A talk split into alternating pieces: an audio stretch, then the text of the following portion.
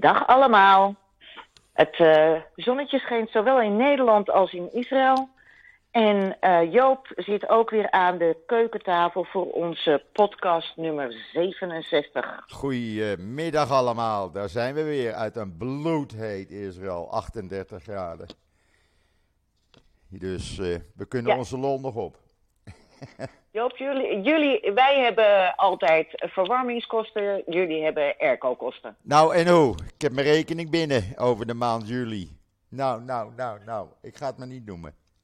Nee. Je wordt er niet blij van. ik word er niet blij van. Ik heb vanmorgen weer geprobeerd mijn ramen open te houden. Ik denk het lukt, maar het lukt helemaal niet. Het is uh, 65% vochtigheid. Uh, het is op dit moment uh, 38 graden. Nou, dat gaat gewoon niet werken. Dat, dat wordt nou, hier klaagt iedereen ook hoor. Dus uh, ja. dan, dan te veel regen, nu weer te warm. En ik ben er wel blij mee. Zo op 7 september, dan heb ik altijd twee vriendinnen die jarig zijn. En die feliciteer ik dan s'morgens altijd meteen. En uh, het is uh, toch wel lekker om op 7 september zo'n heerlijk warm temperatuurtje ja. te hebben. Ja, ja. Nou ja, volgende week krijgen wij het iets koeler. Dan wordt het gemiddeld zo rond de 30 graden. Dus dan uh, kunnen we de ramen open. Dat is ook wel lekker. Daar ben ja. ik wel blij mee. Ja. ja. Dus, maar goed, genoeg over het weer, want er is voldoende anders te bespreken. Oh, Joop. oh, oh het, is, uh, het houdt niet op. Het houdt niet op. Echt niet. We hebben twee nieuwe ontwikkelingen erbij. Gisteravond, of dat geregisseerd is, weet ik niet, maar ik vermoed het wel. Want opeens daar was de Knesset-voorzitter, meneer Amir Ogana, die het nodig vond uh, uh, om te zeggen dat als uh, het Hoge Rechtshof bepaalde wetten buitenspel zet, zij zich er niet aan zullen houden. Dus eigenlijk het verlengde van wat Netanyahu kort geleden had gezegd. En uh, ja, dat werkt natuurlijk niet op deze manier. Dat moet je niet doen. Uh, dat nou ja, ze moeten veel niet doen, maar uh, zijn wij verbaasd, staan we ervan te kijken? Ik sta er en, niet van te kijken, nee hoor. Nee. nee. nee. En, in, en in hoeverre uh, is dit ook de positie van de rest van het kabinet? Nou, ja, kijk, het rommelt in het kabinet, want we hebben natuurlijk de extreemrechtse partijen die gewoon zeggen van uh, uh, wij doen wat wij willen en niet wat Netanyahu wil. Mm. Uh, en we storen ons ook nergens aan. dan hebben we een aantal Likud-leden die het ook niet met dit beleid eens zijn, dus dat werkt ook niet. Ja, en dan hebben we natuurlijk de IDF, de stafchef die gisteravond een speech hield bij een of andere bijeenkomst. En daar gezegd heeft van uh, tegen die honderden jongeren die oh, uh, allerlei uh, verklaringen afleggen van wij gaan niet in dienst Meer het leger in. onder ja, deze ja. regering. Heeft hij gezegd van luister, als jullie niet meer in dienst gaan, dan hebben we binnenkort geen IDF en dan hebben we geen Israël meer. En je moet gewoon in dienst gaan. Nou, dat was een hele duidelijke toespraak. Daar komt vanmorgen een extreemrechtse rabbijn. Hij is minister van Erfgoed. Ik wist niet dat dat bestond. Maar hij is van de partij van, hij is van, de partij van uh, Ben Gwier. Die het nodig vond te zeggen van... Nee hoor, we moeten uh, de IDF in deze vorm maar opheffen. Want niemand is verplicht om in dienst te gaan. En we moeten geen volksleger meer hebben. We moeten een vrijwilligersleger hebben. Ja, dat werkt natuurlijk niet. Als iedereen nee. tegen elkaar ingaat, echt, het is niet te filmen. Hoe ze het verzinnen, verzinnen ze het. Maar als de een A zegt, dan roept de andere nee, het is B. En dan zegt nummer 3 nee, het is C. En dat gaat allemaal tegen elkaar in. Ja, daar kan je geen beleid mee, uh, mee voeren. Sorry. Dat werkt gewoon niet. Dat nee, maar de, de, de, hoe staat Netanyahu erin? Heeft hij al gereageerd op deze kolde, kolderieke nee. toestand? Want het is bijna... Een, het wordt een klucht zo. Nou, uh, uh, een ernstige klucht, maar wel een klucht. Het is, het is verschrikkelijk wat hier gebeurt. En daarnaast blijkt opeens, waar de hele wereld Rusland boycott, heeft Israël gisteren een overeenkomst met Rusland getekend op het gebied van filmmaken. Hoe vind je die? Doe net of, ze, of er niks aan de hand is, Israël en Rusland. Mijn hemel. Ja, Ja, ze maken ze zich lekker populair. nou dat gaat lekker zo op deze manier. Dan hebben we dus de voormalige eh, Mossad, Mossad-baas gehad. eh, die gezegd heeft: eh, Israël voert een apartheidsbewind op de Westbank uit. Want waar je twee rechtssystemen hebt, heb je dus een apartheidssysteem. Nou, dat werkt ook lekker richting eh, eh, internationaal gerechtshof. Dat gaat op deze Ja. manier ook goed natuurlijk. Eh, Ja. ja, het is gewoon één grote puinhoop. Het is niet meer te filmen wat hier op dit moment gebeurt allemaal. Echt niet. Ik, ik, heb, er- heb ik heb er geen woorden. Joop, dat... Ik, ik heb begrepen dat... ehm, eh, je twitterde vanochtend iets... Ja, ehm, even kijken hoor, wat was het? Ja, je twittert zoveel. ik, Nou ben veel. nou Mensen ik het verwachten dat. Ze willen weten wat hier gebeurt.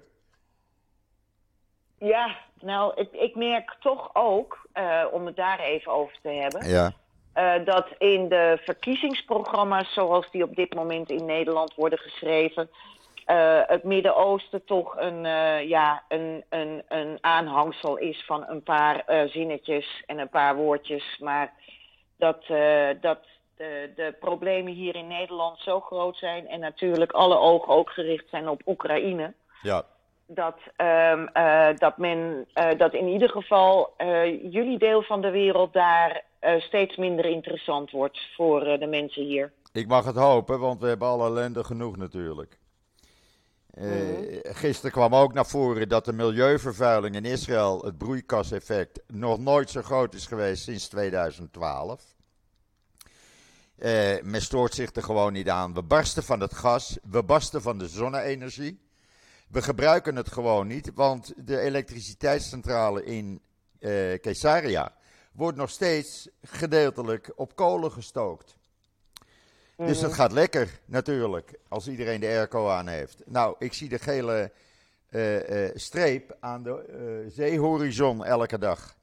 Gewoon milieuvervuiling. Nou, dat blijkt dus waar te zijn, want het is in de laatste elf jaar niet zo hoog geweest als dat het nu is. En wat was dan de reden dat het elf jaar geleden zo hoog was? Omdat alles op kolen werd gestookt. Nu probeert men heel voorzichtig wat zonne-energie te gebruiken op gebouwen. Eh, dat begint heel langzaam op gang te komen. Bij scholen zie je dat bijvoorbeeld. Maar die, die, die elektriciteitscentrale, in plaats van hem helemaal op gas eh, om te gooien, eh, wordt die nog gedeeltelijk op kolen gestookt. Er komen nog steeds schepen met kolen aan. Ja, dat helpt En dat natuurlijk terwijl ook. natuurlijk Israël voorop liep, hè, voor wat betreft Ja. zonne-energie. Want ik kan me nog alle boilers dus op de daken herinneren, waarmee je, je, je kon douchen met warm water. Ja, maar dat werd ook met elektra opgewekt. Grotendeels. Bijvoorbeeld bij, bij mij in de flatgebouwen, er wordt geen zonne-energie gebruikt. Dat is nou weer zo jammer. In plaats van dat, eh, de daken vol te gooien met panelen, wordt het gewoon, eh, het werkt nog gewoon op stroom. Dus eh, ik moet hem nog steeds eh, een paar uur aanzetten. En dan is hij weer warm. Nou, Startup Nation loopt veel steeds verder achter. Ja, het gaat lekker hier. Gaat lekker. Dan hebben we gisteren ook nog een bericht gekregen. Waarin bleek dat in het eerste kwartaal van dit jaar. de buitenlandse investeringen in Israël. met 60% terug zijn ge- gelopen. Mensen Ja, de huren in Tel Aviv gaan achteruit. De huren in Tel Aviv. positieve. Nou, dat zijn de huren in de kantoorgebouwen. Die lopen Ja. terug omdat er minder vraag is. De bedrijven trekken weg, bedrijven breiden niet meer uit. Iedereen wacht af van wat gaat er gebeuren. Wat gaat er met die juridische hervormingen gebeuren. Want daar draait het gewoon allemaal om. Hè? Het draait alleen maar om die juridische hervormingen. En eh, zolang men dat door Er wil zetten. vanavond, er is vanavond trouwens, schijnt er een grote pro- pro-hervorming demonstratie te zijn. Zag ik eh, zoiets langskomen bij jou? Er is vanavond een eh massademonstratie, laat ik het goed zeggen, voordat ik het verkeerd zeg, voor de voorstanders, ja. Ja, Ja. En die zal in Jeruzalem zijn of in in, Jeruzalem. In Jeruzalem. Ja, natuurlijk. Ja. Ja. Ja. En dat doen ze bij het Hoge Televisie krijgen ze natuurlijk nooit zoveel mensen op de been. Nee, ze doen het bij het Hoge Rechtshof. Aha. Maar Ja, ik zie, eh, ik zie eh, bij de demonstratie, bij mij bijvoorbeeld, elke zaterdagavond, steeds meer mensen komen. Dus dat neemt alleen maar toe. En dat blijkt ook wel, want er zijn tot nu toe eh, in die 35 weken dat er gedemonstreerd wordt, 35 weken, zijn er een kleine 7 miljoen mensen al op de been geweest. Dat is veel. Ja, Dat is veel. ja nou ja, dat, ja dat, dat, maar dat zijn, dat, is- dat, zijn 7 miljoen mensen, maar dat zijn natuurlijk heel vaak ook dezelfde mensen. Dus dat kun je wel één keer tellen, maar als één persoon tien keer gaat demonstreren, Tuurlijk. dan tuurlijk. loopt dat getal natuurlijk heel snel terug. Hè? Nee, maar het betekent wel dat het nog steeds eh, toeneemt natuurlijk, eh, het aantal demonstranten. En het blijft Ik ook, hoor, het blijft ook na 35 weken, vind ik, als je dan nog een eh, kleine half miljoen mensen elke zaterdagavond op de been krijgt, dat vind ik nogal wat. Ik had vorige week in het NUW, dat staat ook online, een interview met de voormalige ehm rector magnificus van de Hebreeuwse Universiteit, Ja, Barak Medina. En die zegt dat Netanyahu eh, aan alle kanten probeert om in januari niet te hoeven getuigen in die rechtszaak.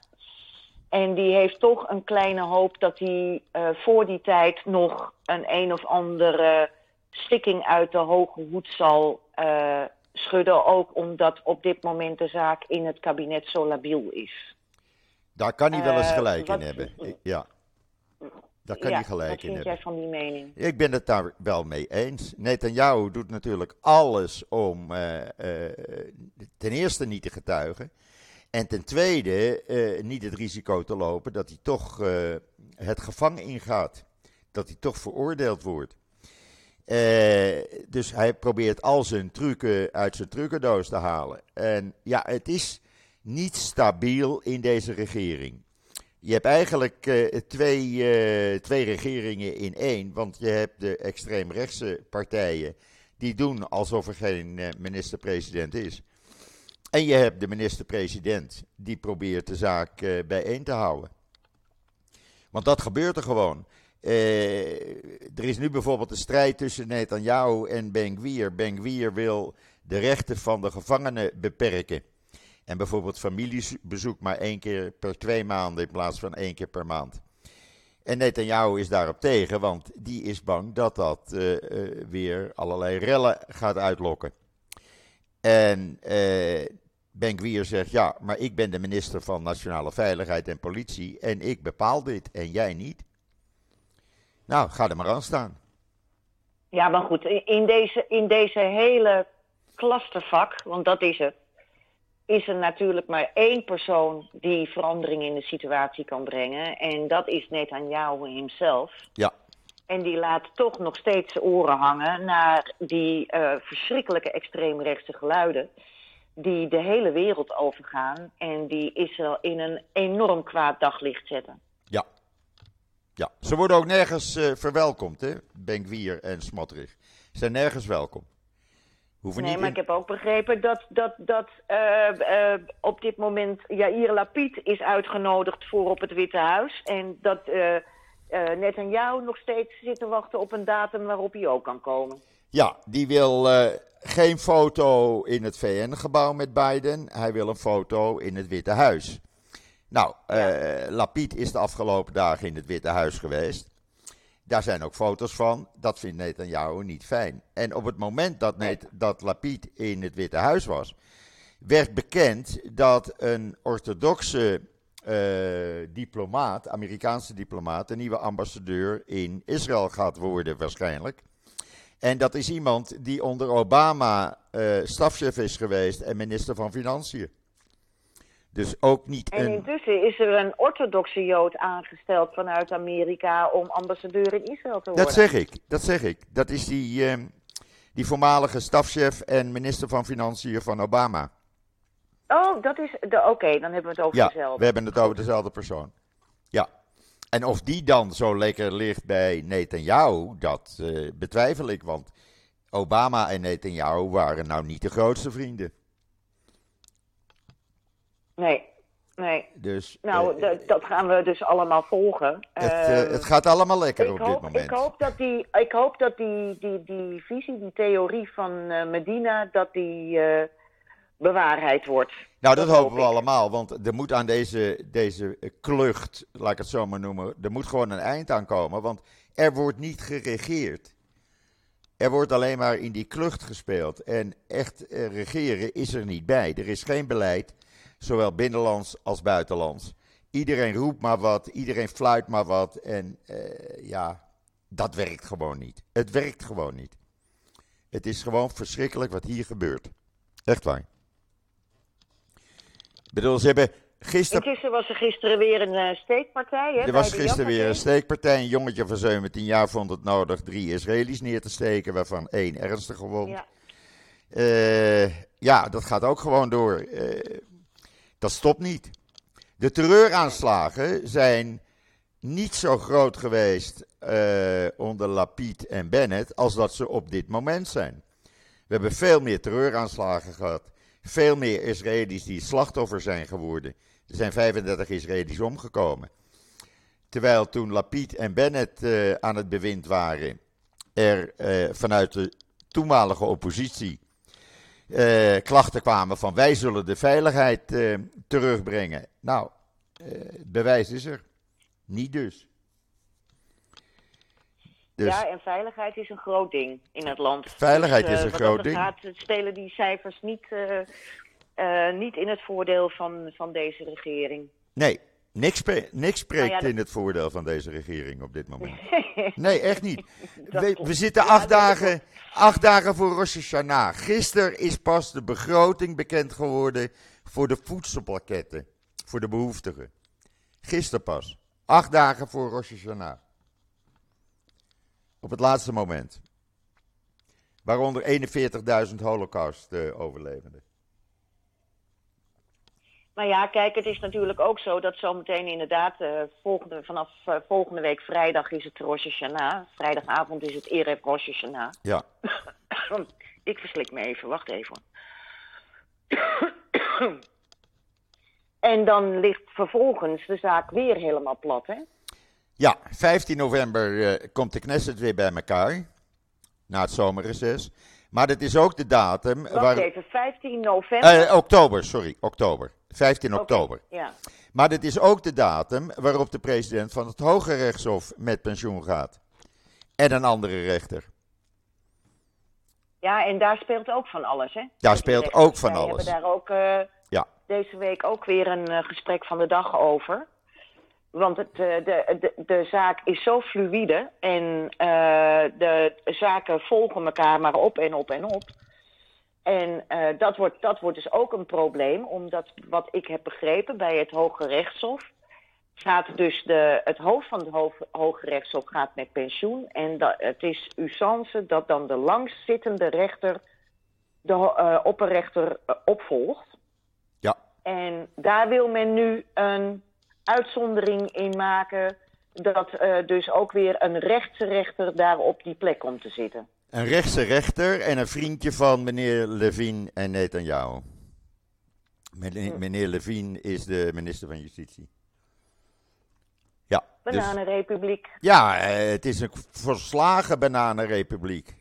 Ik heb er geen ander Nou, woord voor. avocado-republiek. Zo, Eh, Laten we dat maar noemen, ja. Eh, Ja, van een democratie kan je op dit moment niet spreken. Echt niet. Echt niet. En dat gaat mij zeer aan het hart.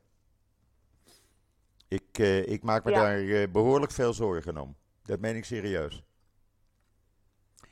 En dat blijkt. weten we. eh, Dat, blijkt. dat, dat het- is iets wat je iedere week herhaalt. ja. ja, maar het blijkt ook, want wie je spreekt, iedereen is toch bezig met eh, plannen maken van alternatieven. Wat moeten we als dit eh, niet verandert? Ja. Ik sprak net een van de buren vanmorgen, voordat jij mij belde toen ik naar de slager ging. En die begon er ook over. Een jong gezin, drie kinderen. Geboren Israëli's. Maar ja, die zeggen ook, wat moeten wij? En dat hoor je bij iedereen. Het is, er is geen ander gespreksonderwerp op dit moment. En dan kunnen mensen. Nou, we hebben, we hebben, dat hebben we volgende week in het NIW. Je weet van die uh, regeling van Portugal. Dat mensen die kunnen aantonen dat ze dus inderdaad van afkomst zijn van uh, uh, Joden die destijds tijdens de Inquisitie eruit zijn gestuurd. en dat, daar hebben nu 21.000 mensen gebruik van gemaakt. een paar honderd wonen echt in Portugal. krijgen dan een Europees paspoort. Dus ze kunnen zich overal in Europa vestigen. Nou ja, en net zoals mijn Israëlische vrienden hier, hè, die zijn via zo'n Portugees paspoort uh, binnengekomen in Nederland. Ja. Ja, maar zo gaat dat ook. Uh, ehm, EU. Die, die, kwa die kwamen hier oorspronkelijk voor een paar maanden, omdat hun zoon in Nederland woont. Maar die hebben nu uh, een huis gekocht hier in Amsterdam. Ja. Die, uh, die, die hebben ook zoiets van, ja, um, het is nu zo fluïde. Dat, uh, en we houden van Amsterdam. Dus uh, we gaan gewoon het merendeel van het jaar hier zitten. Nou, ik kan me dat voorstellen, maar dat hoor je dus vaker. Dat hoor je dus vaker. Als je het kan doen, doe je het. Dan blijf je niet afwachten. En dan kunnen mensen mij extreem vinden en zeggen: ja, maar ik heb familie in Israël en die zeggen toch iets heel anders. Maar het is gewoon zoals het is. Ik ga het niet anders maken. Ik ga het niet mooier maken of slechter maken. Het zijn de feiten zoals ze zijn op dit moment. En, ik, eh, had een gesprek, uh, ik had een gesprek met uh, uh, een columniste van CNN, mijn buurvrouw. Die woont deels in Georgia en deels hier in, in Amsterdam. En die vergeleek de situatie met Hongarije, onder meer, en Polen en Italië. En toen zei ik, nou, voor wat betreft de veranderingen op straat, zometeen, als dit allemaal doorgaat, zijn de consequenties in Israël veel en veel groter. Klopt. Ben ik met je eens. Ik vind dat je het niet kunt vergelijken met de situatie in Hongarije, waar natuurlijk ook de democratie onder druk staat. Maar um, uh, als uh, mannen en vrouwen echt gescheiden moeten gaan zitten en het openbaar vervoer niet kan rijden op Shabbat enzovoorts enzovoorts. Uh, dan, um, en dan hebben we het over Tel Aviv, want in Jeruzalem is er sowieso geen openbaar vervoer. Dan, dan is natuurlijk, zijn de consequenties van het beleid op straat voor de bewoners zelf veel groter. Absoluut. Absoluut. Kijk, je gaat een heel duur, miljarden euro's kostend uh, uh, openbaar vervoerssysteem in Tel Aviv bouwen. Dan heb je dat gebouwd, dat werkt perfect. En dan laat je het 25 uur elke week niet rijden.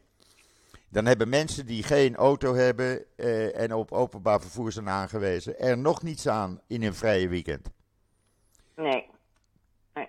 En dat zijn van die dingen die, die nu allemaal spelen en die worden ook in die protesten meegenomen natuurlijk.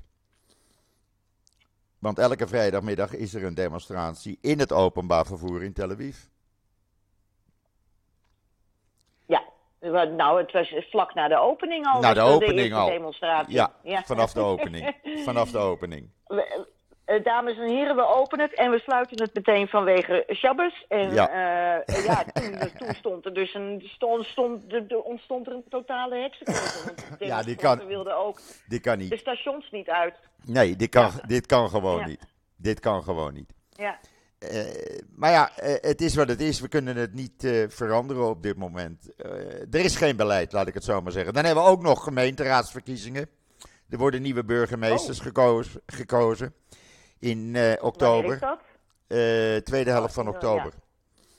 Ja. -hmm. Nou, dat speelt ook het een en ander mee. Maar daar gaan mensen die actief zijn in die demonstratiebeweging.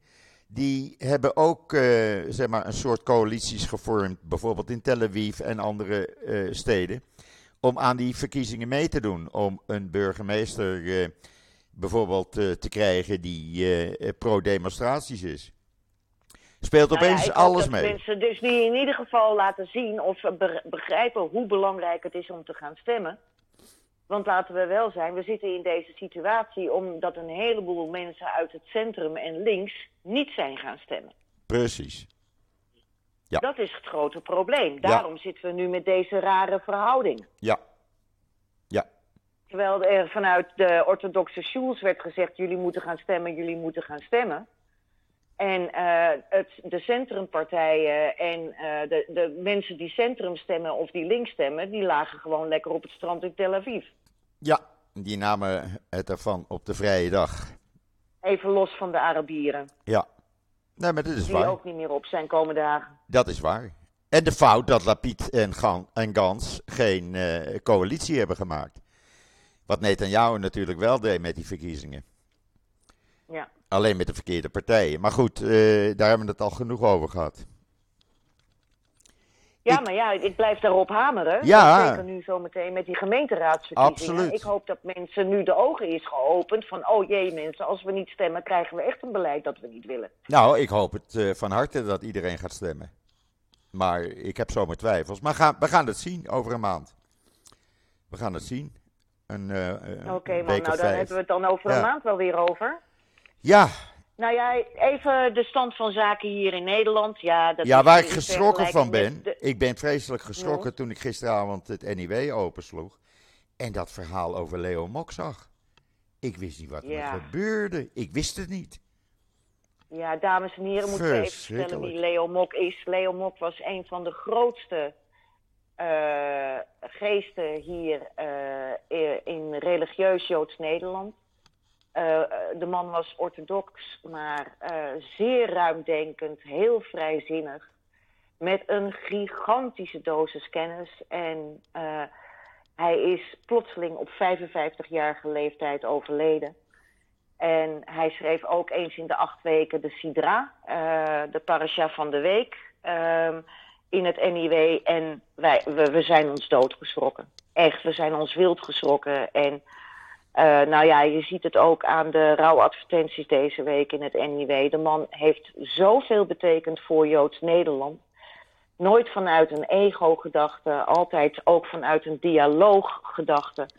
Ik heb één keer een studiemiddag bij hem gevolgd en een wereld ging voor me open. De man was zo erudiet.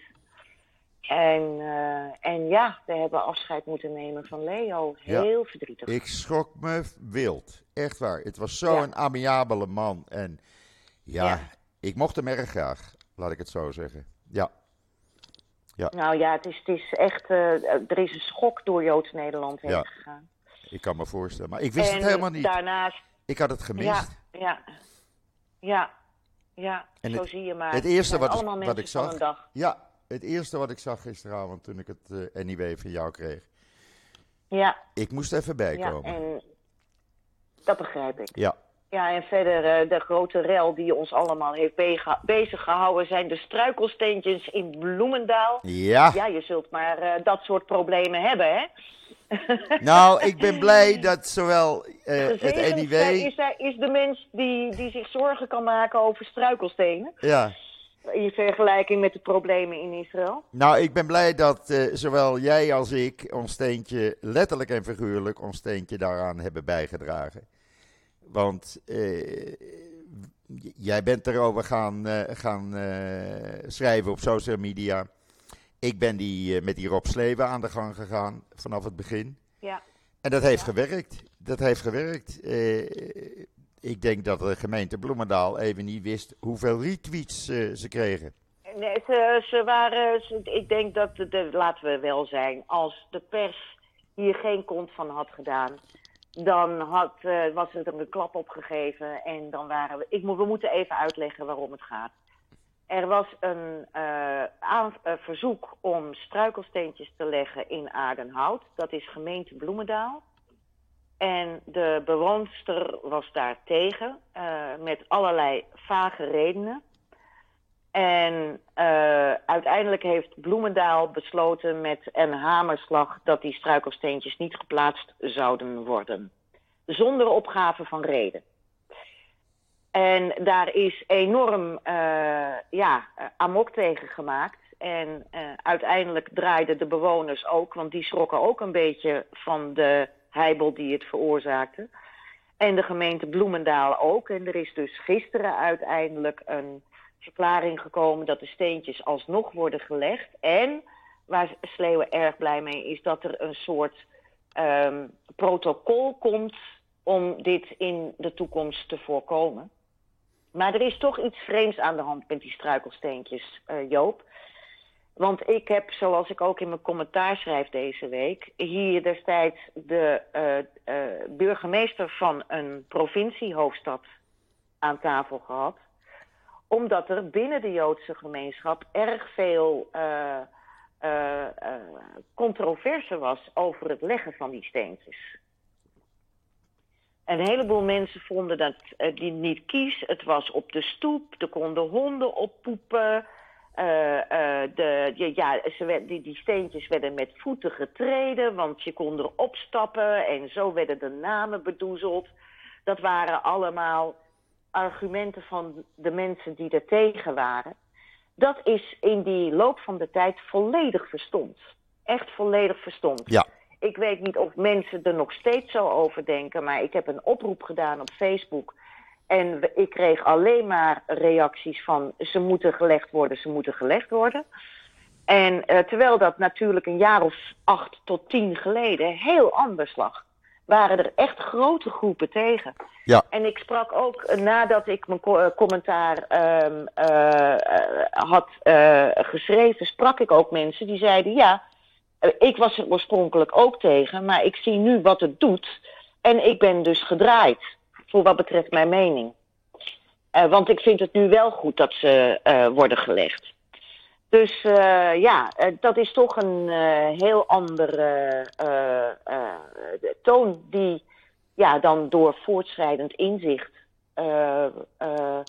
naar voren komt. Zo, zo zie je toch zo'n ontwikkeling in tien jaar. Dat de grote, dat, ja, dat, dat, dat dat veranderen kan. Ja, en dat is maar goed ook. Want je hoort nu weinig of geen klachten erover. Nee, mensen vinden het nu prachtig en ja. COVID. Ja. En um, uh, ja, dat is, toch, dat is toch heel anders dan, uh, dan tien jaar geleden. Toen hadden we echt ook in het NIW daar hele discussies over. Dat herinner ik me nog, ja. Ja, ja. Mensen waren er falikant tegen en dat, dat hoor je nu niet meer. Nee. Nou ja, dat was het, uh, het grote nieuws van uh, de afgelopen week in Nederland. Uh, verder zijn ze hier natuurlijk allemaal bezig met de verkiezingsprogramma's. en ik heb ook wat contact met bepaalde partijen die ook even willen weten, bijvoorbeeld ten opzichte van antisemitisme, hoe ze dat in hun programma kunnen, konden opnemen. En ja, verder, Joop, zijn wij. Uh, ja, de, gisteren ging NIW 42 naar de drukker. Dat was het laatste NIW van het Joodse jaar 5783. En wij, daarom nemen we deze podcast ook wat vroeger op. Want de rest van de dag ben ik op reportage enzovoorts. Omdat we volgende week vrijdag uitkomen met een NIW dat niet zoals Ustans is 96 pagina's stelt, maar wel 104. Dus, dat is een dikke. Uh, en we moeten, dat is een heel dikke. En we moeten ook, omdat hij zo dik is, nog een dag eerder naar de drukker. Omdat anders de drukker het niet kan bijbenen. Want ja, uh, een blad van 36 pagina's printen is altijd nog wat anders dan een blad van 104 pagina's ja, printen. Ga eraan staan. Dus, dus wij, wij zijn hier vol alert. terwijl COVID door de gezinnen van de medewerkers raast. Dus, het is, oh, in is, Nederland ook al? Is, in Nederland ook ja. al? Ja, hier ja. ook hoor. Ja. Hier worden al adviezen bekendgemaakt wat te doen. COVID is met 30% toegenomen de afgelopen dagen hier. Dus het begint hier ook weer op te komen. Ik denk dat dat wereldwijd ja, is. Ik hoor het hier uh, veel om me heen. Ik zie het ook op uh, social media langskomen. Mensen met een testje met twee streepjes. En ja, dat, dat, dat vereist natuurlijk, zeker als je gezinnen hebt enzovoorts, van alles en nog wat. Ja. Um, dus ja, het is, het is allemaal even hectisch. Maar Ja. dames en heren, ik maak nog maar een keer reclame. Als je eh, deze podcast hoort en denkt: ik ben wel nieuwsgierig naar die 104 pagina's. Als je een proefabonnement neemt, acht edities voor een tientje, dan krijg je ook dit de enorm dikke uh, NIW met allerlei prachtige achtergrondverhalen, onder meer over de mensenrechtenorganisaties die hebben geholpen destijds Russische dissidenten uit Rusland te krijgen. We hebben een heel inter inter interessant interview met een Iraanse schrijver, een chirurg die Iran woont, in Iran woont, of in Duitsland woont. En beschrijft hoe uh, de verhoudingen tussen Israël en Iran zich in de loop der jaren hebben ontwikkeld. En hoe ook de, uh, de oppositiepartijen, die vooral vanuit buiten Iran werken, uh, daar onmiddellijk uh, verandering in zouden willen brengen in Iraans standpunt ten opzichte van Israël op dit moment. En weer diplomatieke betrekkingen met Israël zouden willen aangaan. Um, we hebben een prachtige reportage van een fotograaf die een gigantisch archief heeft. Hij is reisleider geweest in allerlei landen waarvan je uh, moeder zegt van kind ga daar nu niet naartoe. Van Eritrea tot uh, uh, Libië. En als reisleider heeft hij heel bijzondere foto's gemaakt. En daar hebben we ook een reportage over. Bart Schut schrijft een groot verhaal over de Lost Tribes. Daar zijn allerlei mythes over, hè, de, Ja. de, de, de verloren stammen van Israël. Ja, Ehm, eh, ik kom natuurlijk met mijn jaarverslag binnenland en buitenland om in een vogelvlucht, in vogelvlucht door te nemen wat er allemaal dit afgelopen jaar is gebeurd. En ga zo maar door. Ja, het is te veel om op te doen, maar er staan interviews in. eh, natuurlijk ook eh, columns van, van onze vaste medewerkers. En eh, ja, heel veel interessante, zowel nieuwsverhalen als achtergrondverhalen. maar jullie hadden 104 pagina's lang. Jullie hebben in dit NIW ook een prachtig verhaal, een reisverslag naar die kibbutzen Ja. bij de grens met Lib- eh, Libanon. Ik vond dat eh, bijzonder. Libanon en Jordanië. Ja. we, hebben een, we maken een serie over kibbutzen in het NIW. Omdat kibbutzen natuurlijk aan het begin van de staat Israël enorm belangrijk zijn geweest voor de opbouw. En tegenwoordig wonen er nog zo'n 100.000 mensen in kibbutzim. En die hebben ook zich aan moeten passen aan de huidige tijd. En wij hebben acht kibbutzim bezocht. De eerste aflevering is een paar weken geleden verschenen. En dit is de tweede aflevering. En we zijn geweest in Baran. Dat is een kibbutz die nou onder de wachttorens van Hezbollah... eh, aan de grens met, met Libanon ligt. Met vrijwilligers. En kibbutz. Met vrijwilligers. Met, vrij, met vrijwilligers, want dat is dus... Auw, auw, auw, auw, schatje. Wacht even, er springt een... Een van mijn twee nieuwe monstertjes springt eh, op mijn buik. Geweldig. Met de nageltjes. Geweldig. Goedemorgen. Ja, ik heb sinds kort twee nieuwe katjes, twee zusjes. Leuk. En die zijn ontzettend speels en heel gezellig, maar dit was even niet de bedoeling. Nee. En ehm eh, eh, die kib- kibbutzim, ehm, er zijn grenskibbutzim die destijds erg van groot belang zijn geweest voor de verdediging van Israël. We zijn dus in Baram geweest, dat is aan de Libanese grens. En inderdaad, je kunt daar nog steeds als vrijwilliger eh, werken. Dat weten een heleboel mensen niet meer, want die denken dat zal wel voorbij zijn, maar dat is niet voorbij. Dat is nog steeds eh, heel goed mogelijk via kibbutzvolunteers.org.il. En die vrijwilligers vertellen daar over het leven in de kibbutz en dat het ze heel veel oplevert, heel veel brengt. Vooral ehm, de ontspannenheid van het leven daar. En we hebben een kibbutz bezocht, Shah Golan. Die, ligt, die lag voorheen aan de Syrisch-Jordaanse grens. En eh, vooral sinds de vrede met Jordanië en sinds de Golan is eh, eh, ingenomen door Israël, is het daar nu veel rustiger. Ehm, maar er staat nog zo'n ouderwetse wachttoren bijvoorbeeld. Ja, heerlijk. En, eh, en daar zijn ook prachtige opgravingen geweest van neolithische nederzettingen. Ehm, en daar hebben ze ook een museumpje van. En daar is kort geleden ook een, een heel oud vruchtbaarheidsbeeldje gevonden. Uh, dus dat, uh, die leggen zich nu heel erg toe op die archeologie. En uh, ja, dat is, het is erg boeiend om te lezen hoe die ontwikkelingen zijn geweest. Bijvoorbeeld Bar-An, die had in, ten tijde van de Eerste Golfoorlog sliepen kinderen daar nog, heel socialistisch, allemaal op een slaapzaal. Die sliepen niet bij hun ouders. En dat was de oude opzet, zeg maar, van de kibbutzim. Van de kibbutzen, ja.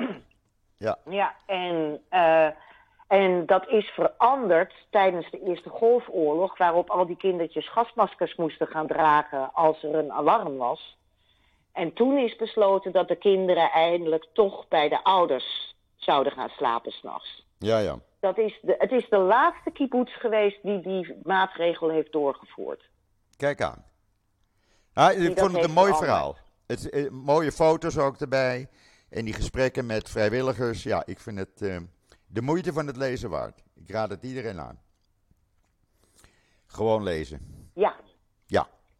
Nou ja, dus, dus uh, ja, daar waren we van de week weer uh, mee bezig, Joop. En natuurlijk met die struikelsteentjes. Ja. Er en is weer met, genoeg leesvoer, leesvoer in het NIW deze week. Ja, ja. ja. En ik, uh, wij moeten nu hier aan, een, uh, aan deze podcast een eind breien, Joop, want ik moet op reportage. Ja, nou, we zitten al ik bijna op drie kwartier. Het, uh, daarom, ik ga naar het nieuw geopende Broodje Meijer, het legendarische Ach, Broodje Meijer. Een broodje half om. Oh, wat mis ik ja, dat? Dat, mis is, ik. dat is, dat, dat mis is ik. weer geopend onder nieuwe leiding. Raffi die zwaait daar de scepter en wij gaan daar vanmiddag even kijken. En dat lijkt me ontzettend gezellig. Mij ook. En daar maken we een mooi Joods leven in beeld van, ook voor het komende nummer. Ik ben jaloers. Dus ja, Joop, ik ben jaloers. Onze oren. ik ben jaloers. ja, ik had graag een broodje half om voor je meegenomen. Ja, Joop, ja het maar is. je zult hem zelf moeten gaan halen. Het eerste wat ik doe als ik naar Nederland zou gaan, is naar Broodje Meijer. Mhm. Ja. Ja, absoluut. Dat begrijp ik. Dus. Dat begrijp ik. Ik ben heel benieuwd hoe het daar vanmiddag uitziet. Nou, laat het me weten. Ik ga, ik ga het verslag lezen. Laat ik het zo maar zeggen. Ja, dat ga ik lezen. Dus we gaan er een, een eind aan breien, joh. Ja, wens iedereen uh, alvast Shabbat Shalom en een mooi weekend. Ook van mij uit. Het, uh, weer, om het weer zal het, uh, zal, aan het weer zal het niet liggen. Het wordt Nee. hier ook prachtig. Hier ook. Maar ja, ik zit achter de computer. Gezellig, gezellig. Yes? Probeer er toch een beetje van te genieten als het kan. Dat uh, ga ik proberen. Oké, Esther. Uh, en tot de volgende keer weer allemaal. Tot Shabbat snel. Shalom. Shabbat shalom. Bye. En, Ja, en, ja. en, Gmar Torah. Want wij hebben geen podcast meer tot na Hashanah. Oh ja, de volgende podcast Dus, is eh, in het... eh, Ja, dus, uh, dus uh, Nog veel jaren. voor iedereen een uh, Shana Tova Umetuka, zoals we zeggen. Een Absoluut. goed en zoet nieuwjaar. Een heel goed en zoet en gezond nieuwjaar. Ja, Tot snel. goed. Tot snel. Bye. Bye.